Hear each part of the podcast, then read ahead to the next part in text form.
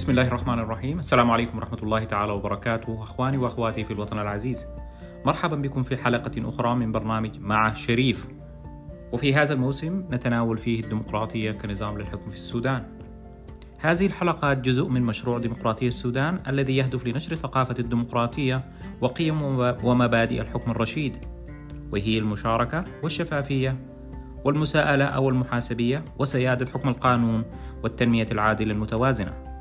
هذا المشروع جزء من رؤية سودان 2050 التي تهدف لبناء لبناء سودان القرن الحادي والعشرين.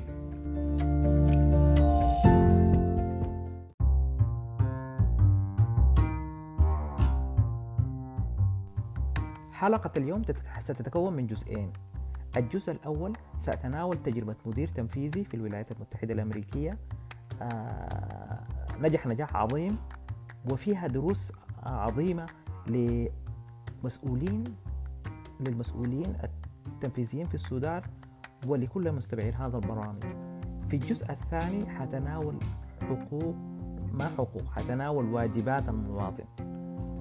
دائما الناس بتتكلم عن الحقوق لكن أنا داير أتكلم في الأول عن ما هي واجبات ومسؤوليات المواطن؟ ثم بعد بعد ذلك سنتكلم عن ما هي حقوق المواطن؟ ومن هو المواطن الصالح؟ والسبب خلاني أسجل الحلقة دي هو موضوع سياسات رفع الدعم والموضوع الثاني هو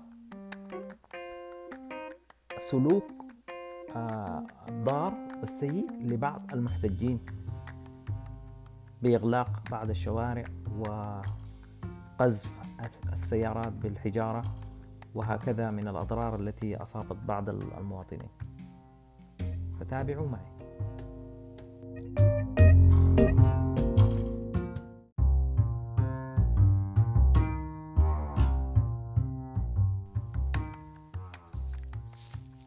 في الجزء الأول ده هستعرض تجربة سمعتها من أحد المسؤولين حول في إدارة العمل العام وهو مدير تنفيذي لمحلية هنا في الولايات المتحدة وأعتقد أنه فيها عظة ودروس ممكن يستفيدوا منها المسؤولين السودانيين فماذا قال هذا المدير التنفيذي؟ طيب المدير التنفيذي كمقدمة المدير التنفيذي ده هو آه بيسمى professional city manager وهو آه الرجل التنفيذي الأول المسؤول عن تحقيق أهداف ورؤيات المحلية في المنطقة المحددة. وفي النظام بتاع ال professional city manager ده أو المدير التنفيذي المجلس مجلس المحلية هو مجلس منتخب بيتكون من عادة من خمسة إلى عشرة أشخاص خمسة إلى 12 شخص. منتخبين من الناس المحلية. هم ديل بيقوموا بتعيين مدير تنفيذي لتحقيق أهداف محددة. فمثلا واحد من المنتخب أحد أعضاء المجلس وجد أنه أو في برنامجه الانتخابي لما انتخب كان طرح على الناس أنه يجب حل مشكلة المواصلات. فهو كان خاطئ من البرامج بتاعته أنه إنشاء خط أو عمل حل لمشكلة المواصلات في الحتات في حتات محددة أو في مناطق أماكن محددة. معظم الناس اللي بيشتغلوا المنتخبين أو عدد من الناس المنتخبين ليست عندهم الخبرة التنفيذية في العمل العام. لذلك المدير التنفيذي بيحل المشكلة دي باعتبار أنه هو عنده الخبرة التنفيذية في العمل العام وعادة بيكون هو رجل يملك قدرات إدارية ومعرفة إدارية كبيرة فهو يحكي انه لما استلم الاداره الاداره التنفيذيه وجد انه الميزانيه بتاعت المحليه مختله بمعنى انه ميزان المصروفات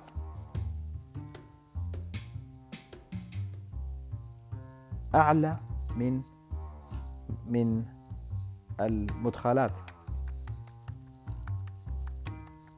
يعني في الإكسبنسز كثيرة جدا بتاعت المحلية.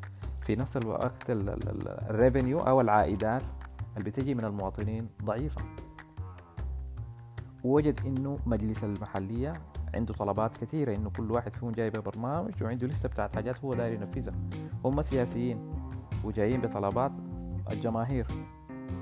وهو المدير التنفيذي وهو زول بروفيشنال يعني آه، واحد زائد واحد بالنسبة لي بيساوي اثنين. فدرس الميزانية ودرس المشاريع ووضع الأولويات بتاعته وضع الأولويات بحسب ما يراه وناقش معهم ووصلوا إلى إلى اتفاق أو ديل إنه ياخذ كده ونعمل دي ونعمل دي ونعمل دي. دي الخطوة الأولى.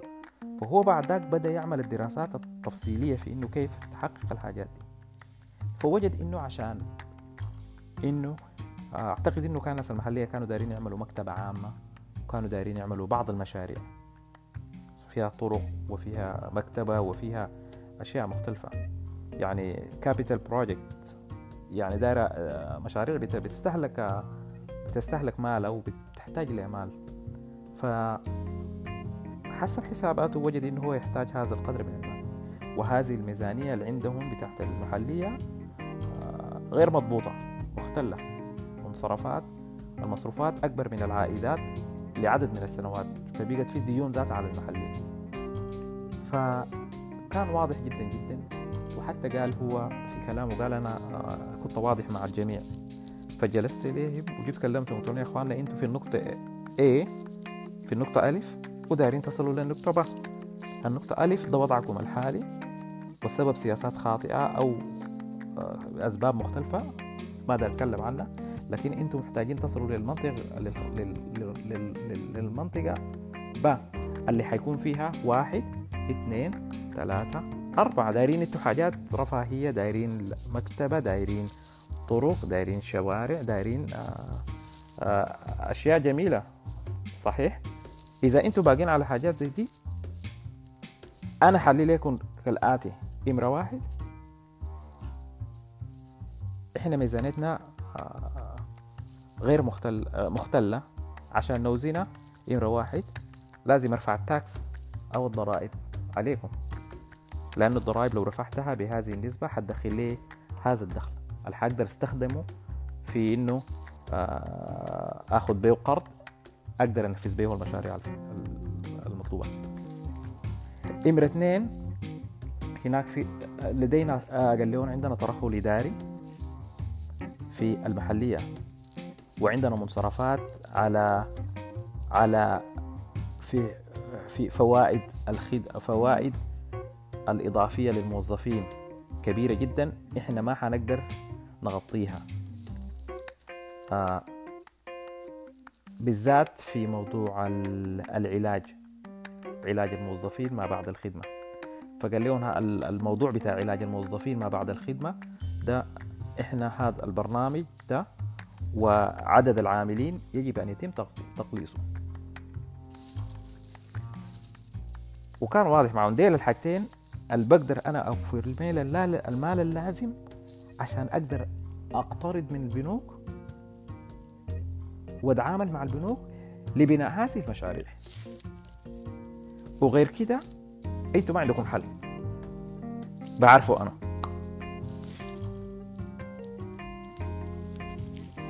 الحاصل إنه الناس دي قعدوا ناس ال council قعدوا مع بعض ومش رجعوا للجماهير ويتكلموا معاهم. وورون إنه واحد زائد واحد بيساوي اثنين. إذا إحنا دايرين نصل للحال ده عندنا أمرين لازم نعملهم. والأمرين قاسين للناس. يعني كونك إنك تفيل بعض الناس أو تنقصوا خدماتهم أو تدي لبعض الناس الصالح العام قرار صعب. نمرة اثنين القرار بتاع إنك تزيد الضرائب على الناس قرار صعب جدا وما مقبول. ولكن لأنه كان في وضوح وكانت الصورة واضحة للجميع إنه التضحية بتاعتكم حتوصلكم وين؟ آه وافق المجلس وتمت آه وتمت آه آه قطع أو أو تقليص بعض البرامج وتم إحالة بعض الناس للمعاش والصالح العام. واستطاعت المحلية جمع الموارد اللازمة والاقتراض وإنشاء هذه المشاريع وموازنة الميزانية أو جعلها متساوية يعني المصرفات تساوي العائدات أو بيسموها البالانس البالانس بادجت.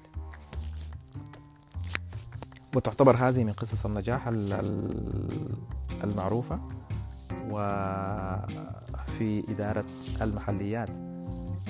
الدروس المستفادة منها الوضوح في إحنا وين وإحنا ماشيين وين وكيف نحقق الكلام ده وحجم التضحيات المطلوبة وكيف نشتغل جميعا على إنه المشاريع تنجح. وتودينا للحتة اللي إحنا دايرينها من وضعنا الآن.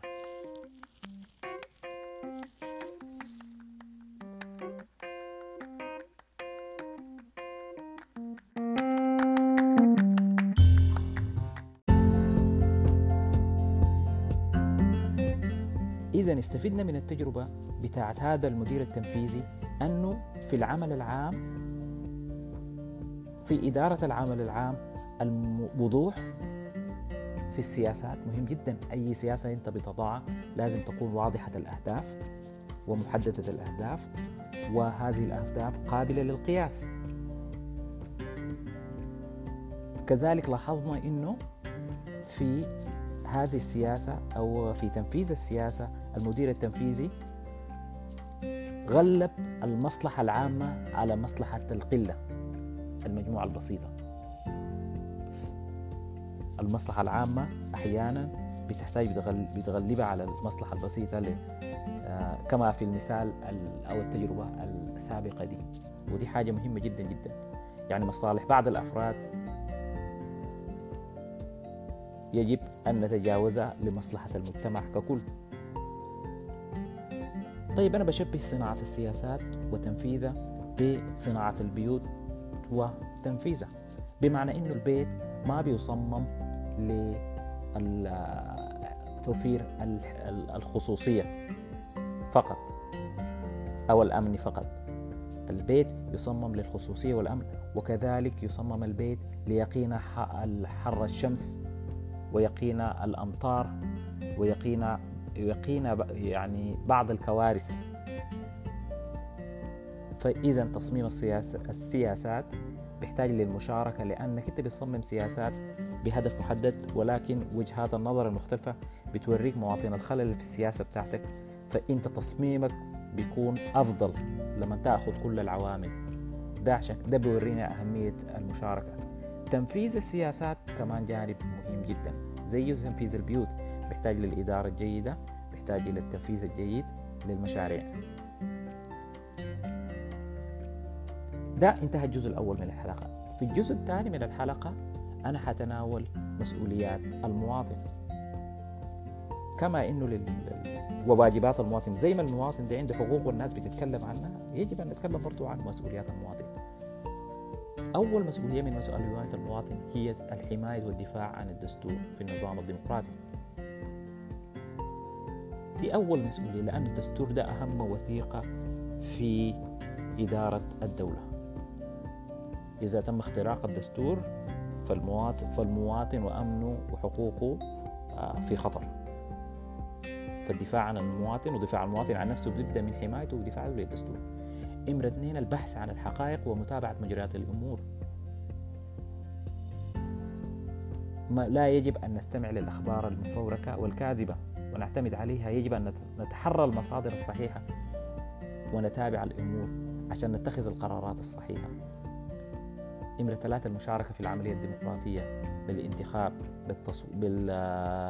بال... بإرسال العرائض إذا عندنا مشكلة في حتة في منطقة محددة نكتب ورقة ونسلمها للمسؤولين ونتابع معاهم هل نفذوا ولا ما, ما لم ينفذوا. إذا ما نفذوا في الانتخابات القادمة آه، ما نصوت لهم. نختار آه، شخصيات أخرى.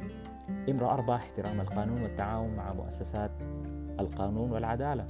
إذا طلب منك إدلاء إدلاء بشهادة آه، آه، تجتهد في أنك تدلي بشهادتك على الوجه الصحيح والذي يحق الحق. امرأة آه، خمسة احترام حقوق الآخرين وآرائهم وأفكارهم مهم جدا يعني انت خرجت في احتجاج سلمي على سياسة رفع الدعم أن تحترم حقوق الآخرين يعني إذا رأيت مرة في الطريق بسيارة لا يجب أن تقيف حجر عثر أمامه. في ناس عندهم زيارة لأهلهم في ناس عندهم ماشيين للمستشفى في ناس عندهم ظروف فلا يجب أن تعيقهم. مع حقك في التعبير مع الاحتفاظ بحقك في التعبير. إمرة خمس إمرة ستة المشاركة في العمل العام في المستويات المحلية. أحيانا آه، بيطلبوا الناس المحلية ورايا السكان مشاركتهم في عمل عام آه، دعمهم لمشروع محدد وهكذا نمرة سبعة آه، دفع الضرائب من المهم جدا جدا إذا أنت عندك عليك ضرائب أن تقوم بدفعها لأنه ده واجبك والضرائب هي الوسيلة الوحيدة أو. أحد أحد الوسائل أو أحد الوسائل المهمة لتنفيذ أو أو آه، توفير الخدمات. نمرة ثمانية الدفاع عن الوطن عندما يدعو الداعي. إذا حصل القائد الأعلى دعا المواطنين إلى حمل السلاح للدفاع عن وطنهم عليهم أن يستجيبوا للنداء ويدافعوا عن وطنهم في وجه الأعداء. هذه مسؤوليات المواطن. كيف يكون المواطن صالحا؟ بأربع أشياء. المواطن الصالح هو الذي يقوم بمسؤولياته وحقوقه. وسنتحدث عن الحقوق آه، بعد قليل. لكن المسؤوليات تقوم بها وحقوقك تقوم بها مواطن صالح. نمرة اثنين المواطن الصالح بيمارس حقه كاملا وبيصحح ويقوم و إيجابي في التعامل. ما بقول يا أخي أنا مالي ومفيد وأنا ما شغال بالحاجة دي. ومقتنع بقدرته على التغيير. عارف إنه بصوته الانتخابي ممكن يغير المسؤول المنتخب ممكن يزيحه. أحيانا بيحتاج إلى مجهود ولكن ممكن. نمرة اثنين نمرة اثنين عنده اهتمام بمجتمعه وبيريد إنه أو داير يعمله وداير يجعله أفضل. كذلك المواطن الصالح دائما بيأخذ بعين الاعتبار مصالح الآخرين وآرائهم وبقيف مع حقوق الآخرين زي ما هو بيقيف مع بيحتاج بيطالب بحقوقه. إذا الآخرين طالبوا بحقوقه هو بيقيف معاهم فيها. إمرأة أربعة المواطن الصالح دائما متابع للأحداث. بيعرف كيف الحكومة بتعمل بيعرف كيف النظام الديمقراطي بيعمل وماذا يجري وبتساعد في اتخاذ القرارات الصحيحة. هذا هو هذه هي مواصفات المواطن الصالح.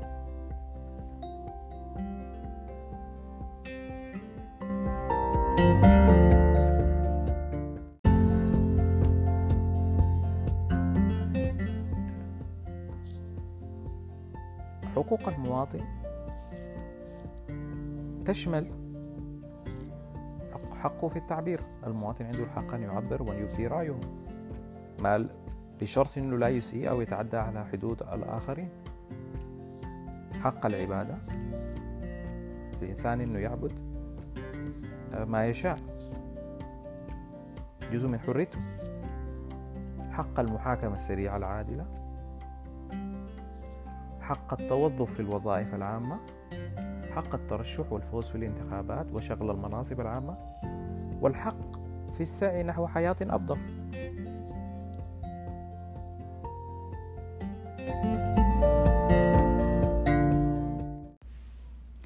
مع شريف برنامج شهري يستعرض ويقدم مواضيع ومفاهيم وقضايا مختلفة تمس الشأن العام في السودان والعالم من حولنا. سنستضيف مفكرين وعلماء وخبراء وسياسيين وغيرهم. تابعونا على السوشيال ميديا والفيسبوك والواتساب واليوتيوب وراسلونا بأفكاركم ومقترحاتكم. وشكرا على حسن الاستماع.